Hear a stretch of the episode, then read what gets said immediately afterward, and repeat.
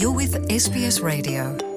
ሰማዕትና ሰማዕቲ ሬድዮ ስቤስ ከም ዝፍለጥ ኣብዚ ቅነ ማለት ዕለት 24 ጉንበት ኤርትራ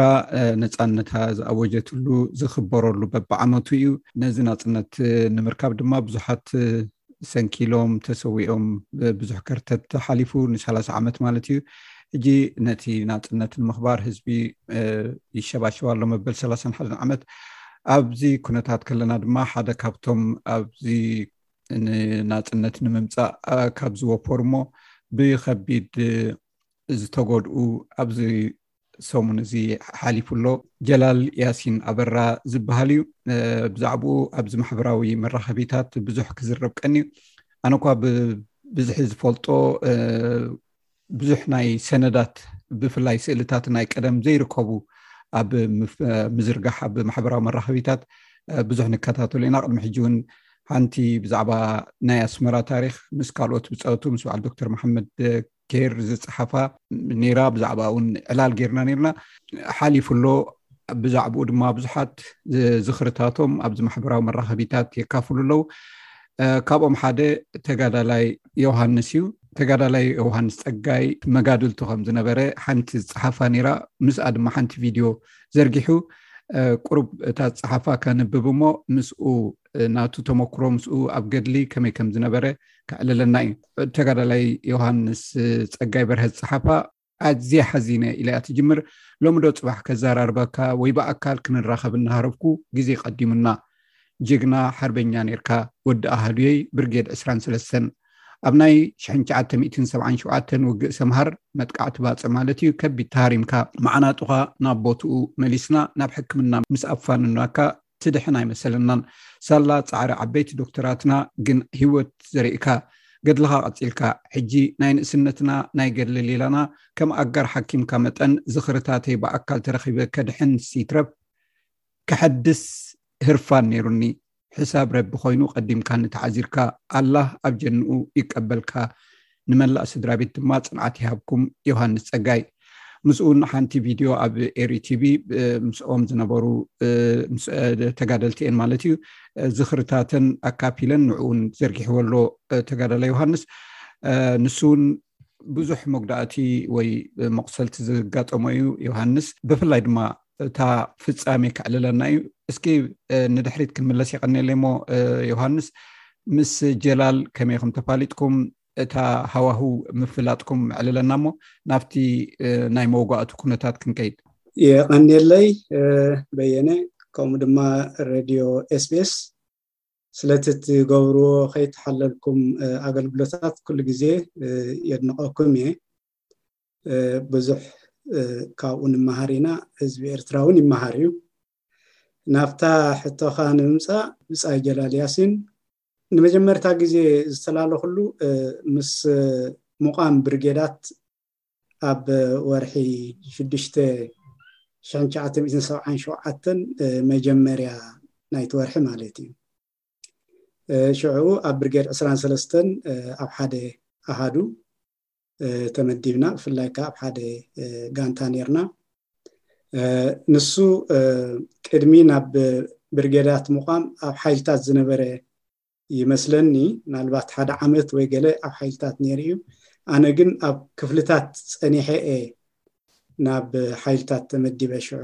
ስለዚ ንመጀመርያ ግዜ ሽዑ ኢና ተራኺብና ብርጌዳት ምስ ቆምና ዳርጋ እቲ ቀጥታ ናብ ከባቢ ከረን ኢና ኣምሪሕና ኣብ ወርሒ ሸውዓተ ሓምለ ማለት እዩ ዕለት ሓሙሽተ ሽዱሽተ ሸውዓተ ናይቲ ወርሒ እቲ ዝነበረ ናይ ሽሕን ትሽዓተ ሚእቲ ሰብዓን ሸውዓተን ከዓኒ ኣብ መጥቃዕቲ ከረን ተሳቲፍና ብድሕሪኡ ኣብ ናይ ውግእ ሰላዕ ዳዕሮን ዓዲ ሓውሻን ብሓባር ነርና ኣብ እቲ ዓመት እዚ ኣብ ወርሒ ትሽዓተ፣ መስከረም ማለት እዩ፣ ኸኣ ናብ ውግእ ሰምሃር ማለት መጥቃዕቲ ናይ ባጽዕ ብሓባር ተሳቲፍና ማለት እዩ። እታ ከቢድ ተወግኣላ ናብ ሕክምና ዝኸደላ ዛንታ ድማ ኣብኡ እያ ተፈጺማ ማለት እዩ። ሕራይ ናብኣ ቅድሚ ምኻድና ምናልባት ዶክተር መሓመድ ኬር ካብ ዝፀሓፎ ኣብ ሃድጋይ ትብል መርበብ ሓበሬትኡ ንሱ ካብ ሽሕን ትሽዓተ ሚእትን ሰብዓን ክልተን ኣትሒዙ ወዲ ዓሰርተ ሓሙሽተ ዓመት ከሎ እዩ እቲ ናይ ፖለቲካ ስምዒት ክሓድሮ ዝጀመረ ከም በዓል መስፍን ተድላ ዕቑቢት ዮሃንስ ኣፍወርቂ ምስኣቶም ኮይኑ ናብ ተሰነይ ከይዱ ናብቲ ቃልሲ ክፅምበር ግን ተኣሲሩ ተታሒዙ ማለት እዩ ድሕሪኡ ብገለ ሰባት ከም ዝወፅእ ንድሕሪ ተመሊሱ ድሕሪ እውን ካብ ሸ ሰብዓን ኣርባዕተን ኣብ ኣስመራ ኮይኑ ስርሒታት ወይ ዝናይ ዋሃዮ ስራሕታት ይሰርሕ ከም ዝነበረ ኣብቲ ዛንትኡ ተገሊፁ ኣሎ ኣብቲ እዋን እቲ ንኣሽቲ ኢኹም ነርኩም ከም ዝመስለኒ ከመይ ነይሩ ጠባዩ ምስ ሰብ ዝነበሮ ርክብ ኣብቲ ናይ ገድሊ ሃዋህው ከመይ ነይሩ ቅድሚ ናብታ ናይ መውጋእቲ ፍፃሜ ምካድና ብዘይክኡ ንሽዱሽተ ግዜ መውጋእቲ ከም ዘጋጠሞ እውን ኣብቲ ታሪክ ተገሊፁ ኣሎ እዚኣ ግን እታ ዝዓበየት ስለዝኮነ ክንዛርበላ ኢና እሞ እቲ ናይ ንእስነት ሂወትኩም ከመይ ይመስል ነይሩ ብትገድሊ እወ ፅቡቅ ኣጋጣሚ ኮይኑ ሕጂ እቲ ናይ ታሪክ ሂወት ናይ ዕድመ ክሪኦ ከለኩ ሲ ንሱ ብሓደ ዓመት እዩ ንዓይ ዝዓብየኒ ኣነ ወዲ ሱሳን ሰለስተን ኣለኹ እስኻ ወዲ ስሳን ኣርባዕተን ኮይኑ ማለት እዩ ኣብቲ ግዜ እቲ ብሓፈሻ ኣዝና ንኣሽቲ ኢና ነርና ኣነ ኣብ ኣጋ መወዳእታ ሰብዓን ሓሙሽተን ክስለፍ ከለኹ ወዲ ዓሰርተ ሽዱሽተ ዓመትን ፈረቓን ገለ እዩ ነይሩ ዕድመይ ንሱ እውን ዳርጋ ኣብ ተመሳሳሊ ዕድመ እዩ ወፅዩ ብንእሽቱ ማለት እዩ ቅድሚ ውፅኡ እውን ሕጂ ድሒረ ክሰምዖ ከለኹ በቲ ዝነበሮ ፖለቲካዊ ንጥፈታት ተኣሲሩ ከም ዝነበረ እውን ከረጋግፅ ክኢለ ማለት እዩ ስለዚ እቲ ፖለቲካዊ ንቕሓት ናቱ ካብ ቅድም ከም ዝነበረ ክርዳእ ክእል ብዘይብኡ እውን እቲ ናይ ፋሚሊ ባክግራውንድ እንተርኢና እውን ወላዲኡ ናይ ብሓቂ ምስቲ ዝነበሮም ትምህርቲ ይኹን ካልእ ዶክተር ያሲን ኣበራ ማለት እዩ እወ እወ ንሶም እውን ክሳብ ኣብ ዩኒቨርሲቲ ኣስመራ ይምህሩ ከም ዝነበሩ ይመስለኒ ስለዚ ብሓፈሻ ካብ ገዛ ዝነቅል ናይ ትምህርቲ ይኹን ናይ ፖለቲካዊ ምንቕቓሕ ባክግራውንድ ከም ዝነበሮ ከዓኒ ከረጋግፅ ክኢለ ማለት እዩ ነዚ ኩሉ ደማሚርካ ኣብ ሜዳ ብጣዕሚ ውዑይ ዋዛ ዝፈቱ ዕላል ዝፈቱ ምስ ኩሉ ከዓ ብጣዕሚ ሕውስ ፍቱው እዩ ነይሩ ብሕፅር ዝበለ ንዓና ኣብቲ እዋንቲ እሲ ካብቲ ክፍልታት ወፂና ኣብ ናይ ሓይልታት ኣሃዱ መጀመርያ ክንምደብ ከለና እሲ ንዓና ሮል ሞዴል ወይ ከዓ ኣብነት ነይሩ ክብል ይኽእል እየ ማለት እዩ ትዝ ትብለኒ ሕጂ ክዝክርሲ ሓንቲ ደርፊ ክደርፋ ከሎ ትዝ ትብለኒ ብልካዕ ከምፃ ኣይክእልን እየ ግን እንታይ ትብልሲ የውመተ ስካብ በዳ የውመተ ስካብ በዳ ወካላስ ጀብሀት መፃ ሃርሶ ላተሃርጋታ በቲ ትግርኛ ተርጊምናሲ ሎሚ ድቃስ የለን ባቃ ጀብሀት መፅያ እያ ሰውራ መፂኡ ማለት እዩ ስለዚ ንኩሉ ተደቂሱ ዘሎ ኣበራብሮ ዓይነት እዩ ስለዚ ኩሉ ግዜ ከምኡታት እናበለ የዘናግዕ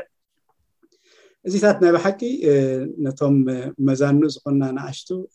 ሞራል ይበና ነይሩ ኣነ ኣብቲ እዋንቲ ሓኪም እየ ነይረ ኣጋር ሓኪም ከምኡ ኮይኑ እየ ተመዲበ ኣብቲ ኣሃዱ ኣብ ኣስመራ እዩ ተወሊዶ ዓብዩ ከምቲ ዝበልካዮ እውን እቲ ድሕረ ባይታ ናይቲ ፋሚሊ እውን ዓብዪ ስድራ ቤት እዩ እንዳኣበራ ናይ ቢዝነስ ሰባት ከም ዝነበሩ ዶክተር ያሲን ድማ ናብ በይሩት ናይ ኣሜሪካ ዩኒቨርሲቲ ተማሂሩ ድሓር ናብ ኣስመራ መፅኡ ኣብ ኣስመራ ድማ ኣብ ኣስመራ ዩኒቨርሲቲ ይምህር ከም ዝነበረ ጥቕስ ኣቢልካ ኣለካ ሕራይ ኣብቲ ናይ ብፍላይ ኣብታ ናይ ባፅዕ ከም ዝገለፅኮ ሽዱሽተ ግዜ እዩ ተወጊኡ ሳግንታ ዝዓበየት ነራ ዳርጋ ኩሉ ናይ ውሽጢ ኣካሉ ከም ዝወፀ እስከ ኣብኡ ስለ ዝነበርካ ኩላ ከመይ ከም ዝነበረት እታ ውግእ እውን ንእግረ መገድካ ከመይ ከም ዝነበረት ኩነታት ናይቲ ውግእ ምስኡ ኣበየናይ ሰዓት ከመይ ዓይነት ኣጋጣሚታት ከም ዝነበረት ስእሊ ሃበና። እቲ ዝኽርታት መቸም ዳርጋ ሃሳስ ዝኽርታት እንድዩ ኮይኑ ዘሎ። ብሰንኪ ክንራኸብ ዘይምኽኣልና ኩላህና ዕድላት ዘይምህላው ናይ ብሓቂ ንትዕበ ጓል ርእሶም እታ ኣብቲ ቪድዮ ተዘርጊሓ ዘላ ዝኽርታታ ክትገልፅ ከላ ናይ ብሓቂ ኣመስጊነያ ንሳ ሸር ምስ ገበርክዋ ኣብ 217 እያ ምስለኒ እንተዘይተጋጊ ንዓይን ንጀላልን ከማን መራኸቢ ኮይናሃና ማለት እዩ በቲ ፌስቡክ ኣብቲ ናይ ባፅዕ ማለት ኩናት ኩናት እዩ ብዙሕ ዝርዝር ተውፃሉ ነገር እኳ የለን ቀፃሊ ኣብቲ እዋንቲ ወርሒ ትሽዓተ እዩ ነይሩ መጥቃዕቲ ናይ ባፅዕ ንኸደሉ ዝነበርና እዩ ኣብ ከባቢ ደጎሊ ገለ ሓሊፍና ናብ ፎርቶ ገፅና ንኸደሉ ዝነበርና እዋን እዩ ሽዕኡ ብብዝሒ ከበድቲ ብረታት ዳርጋ ኣብ ማእኸልና ዝዘነበሉ ኣጋጣሚታት ነይሩ ብዙሓት እውን መስዋእቲ ዘጋጠሞም እዋናት እዩ ሽዕኡ ማለት እዩ ንሱ ከምቲ ዝተጠቕሰ ከቢድ ተሃሪሙ ካልኦት እውን ነይሮም ሕጂ እታ ክትገብራ ትኽእል ንዕኡ እቲ ዝነበረ ኣብዚኣ ከቋርፀ ካብ ምናልባት ናብኣ ቅድሚ ነቲ ኩናት ንክንደይ መዓልቲ ቀፂሉ ኣበየ ናይ ከባቢ ኢኹም ነርኩም ማለት ሲ እቲ መስዋእቲ ክሳብ ክንደይ ከቢድ ነይሩ እቲ እዋን እቲ ኣብቲ መጀመርያ ውሽጢ ባፅዕ ከይኣተና እንዲቲ ማህረምቲ ኣጋጢምዎ በዓል ፎርቶ ገለ እውን ኣይደየናን እጂ ግን እቲ ንሕና ብቐጥታ ብፎርቶ ሸነኽ ጌርና ኢና ኣቲና ማለት እዩ በዓል እቲ ወተር ተኣሽሙ ናይ ባስካ ዘሎ ናይ ተኣሽሙ ናይ ያንጉስ ድዩ ናይ ባፅዕ ከይኣትኻ ዘሎ ንባፅዕ ማይ ዝዕድል ውኡ ጌርና ኢና ንፎርቶ ኣቲና ኣብኡ ጌርና ከዓ ካብኡ ንኣጂብ ኣንቆልቂልና ማለት እዩ ብኣጂብ ጌርና ንውሽጢ ባፅዕ ኣቲና ኣብ ውሽጢ ባፅዕ ምስ ኣተና ግን ንነዊሕ ግዜ ኣብኡ ዓሪድና ቀፃሊ ደብዳባትን ገለን ዝነበረሉ ኣብቲ ናይ ሳሊና ዓሪድናሉ ዝነበርና እዋን እዩ ማለት እዩ ያ ጀላል ድሮ ተወጊኡስ ናብ ሕክምና ተላኢኹ ኣሎ ኣብቲ እዋንቲ ማለት ከም ዝበለቶ ትዕበ ከኣኒ ማለት ብሂወት ክጸኒሕ ዝብል እምነትሲ ኣይነበረናን ኮይኑ ግን ሓካይምና ኣድሒኖሞ ብድሕሪኡ እውን ገድሉ ቀፂሉ ማለት እዩ ክሳብ ሕጂ ከዓ ፀኒዑ ብድሕሪኡ ኣብ ዜና እዩ ትዕበ ንባዕላ እውን ኣብ ዜና ተመዲባ ምስ ከደት እያ ኣብኡ ምስ ረኸበቶ ዝሰንበደት ማለት እዩ እዚ ማለት ሲ ይተርፍ እዩ ዝብል ክሳይ እምነት ኣይነበረኩምን ኩላትኩም ከምኡ እወ ያሳውን ከቢድ እዩ ትገልፁ ተሃሪሙ ነይሩ ቅድሚኡ እውን እ፣ ኣብ ሓይልታት ስለ ዝነበረ ቀፃሊ ውግኣት ስለ ዝነበረ ኣብኡታት እውን እ፣ መውጋእትታት እ፣ ነይርዎ ክኸውን ይኽእል እዩ እንድሕር ሽዱሽተ ግዜ ተወጊኡ እ፣ ዝብል ናይ እ፣ ዶክተር ሓመድ ኼር ጠቒሱ እ፣ ኣብቲ ሓይልታት ቀፃሊ መውጋእቲ የጋጥሞ ነይሩ ማለት እዩ እወ ማለት ጀላል ብፍላይ ብድሕሪ እውን ብዙሕ እንድዩ ታሪኹ ተፃሒፉ ዘሎ ማለት ብዛዕባ ፍልጠቱ ንኣብነት ኣርባዕተ ሓሙሽተ ቋንቋታት ከም ዝፈልጥ ኖርዌጅያን እንግሊሽ ጥልያን ዓረብ ፅቡቅ ከም ዝመለኽ እዩ ኣብቲ ታሪኩ ተገሊፁ ዘሎ ካልእ እውን ቅዱሳት ፅሑፋት ከም መፅሓፍ ቅዱስ ካልእ እውን ብልቡ ማለት በቃሉ ዝፈልጥ ከም ዝኮነ ብዙሕ ፍልጠት ከም ዘለዎ እዩ ዝግለፅ ምናልባት ዝኽሪ ተሊካ ወይ ትዝክሮ ነገር ተልዩ ኣብቲ ናብ ናይ እንዳ ዜና ምስ ዝተመደበ ብድሕሪኡ ርክባት ነይርኩም ድዩ ትፈልጦ ብዛዕባኡ ዝዕለል ነገራት ነይሩ ድዩ ኣነ ፈፂመ ርክብ ኣይነበረን ኣነ ንባዕለይ ኣብ ድሕሪ ኣብ ሻድሻ ወራር ከቢድ ተሃዲመ ክልተ ዓመት ኣብ ሕክምና እዩ ነይረ ዝገርመካ ሲ ሓደ ስንጭሮ ወይ ከዓ ሓደ ጎቦ እዩ መንጎና ነይሩ ማለት እዩ ኣብቲ ሕክምና ዝነበርኩሉ ግን ብኣካል ተራኪብና ሲ ኣዕሊልና ኣይንፈልጥን ኢና እንተኾነ ግን ብዙሓት ኣለዉ ኣባላት ዜና ዝነበሩ ክገልጽዎ ዝኽእሉ ንዓኣቶም ምውካስ ብጣዕሚ ኣገዳሲ እዩ ኣላ ሕጂ ደቂ ሓትነታት ምዃኑ ዝፈልጥ ዘለኹ ከዲጃ ናይብ ጓል ናይብ ንሳ እውን ብዛዕባኡ ናይ ኣተዓባቢኦም ኩን ካልእ ፅቡቅ ገይራ ክትዕልብ ትኽእል እያ ምክንያቱ ኣብ ፅቡቅ ቤት ትምህርቲ እዩ ዝመሃር ነይሩ ኣብ ስኮላ ጢልያን ብቑዕ ዝኾነ ቤት ትምህርቲ ናይ ፕራይቬት ስኩል መሃር ከም ዝነበረ ካብቲ ዘዕለለትኒ እዩ ማለት እዩ ስለዚ ፅቡቕ ባክግራውንድ እዩ ነይርዎ ዋላ በቲ ድሒሩ ኣብ ዲያስፖራ ምስ ወፀ ሼር ዝገብሮ ዝነበረ ኮንቴንት ክትሪኦ ከለካ ብዙሕ ዶኩሜንታሪ ዝኾነ ነገራት ሼር ይገብር ነይሩ ከምኡ ውን ብዓቢኡ ከኣ ከምቲ ባዕልካ ዝገለጽካዮ ምስ ካልእ ሰብ ኮይኑ ውን መጽሓፍ ከም ዘበርከተ ውን ጠቂስካዮ ኣለካ ስለዚ ብቕዓት ከም ዝነበሮ እዚ ሓደ ካብቲ መረድኢታት እዩ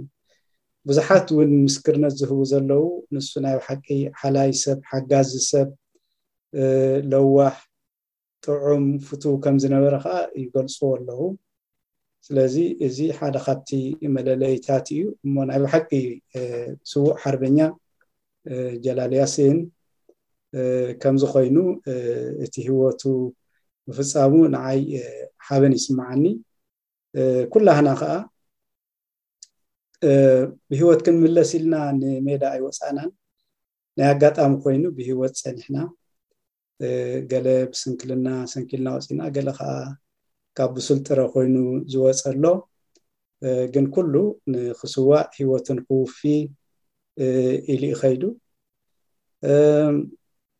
እቲ ኣነ ካብዚ ካልእ ኣዝዩ ደስ ዘብለኒ እውን እንታይ እዩ እቲ ኣብ ውሽጢ ዓዲ ዘሎ ሓርበኛ ተጋዳላይ ምስቲ ኣብ ደገ ዘሎ ከኣ ኣብ ሓደ መንፈስ ኣብ ሓደ ልቢ ከም ዘሎ ከኣ ይረኣየኒ ማለት እዩ ምክንያቱ ትዕበ ጓል ርእሶም ንታሪኹ ከተዘንት ኮላ ንዓና ክትዝክር ኮላ ዋላ ኣብ ደገ ንሃሉ ክሳብ ክንደይ ኣብዚ ፍልልይ ከም ዘይብልና ኣብቲ ሃገራዊ ፍቕርን እቲ ዝሓለፈ ዝኽርታት ናይ ገድልን የርእየኒ ማለት እዩ ናይ ብሓቂ ዘተሓሳስበኒ ነገር ከኣ ኣሎ ማለት እዛ ንክልቴና ንዓይ ንዓይን ንጀላል ሓወይን ዘራኸበት ኣጋጣሚ እዛ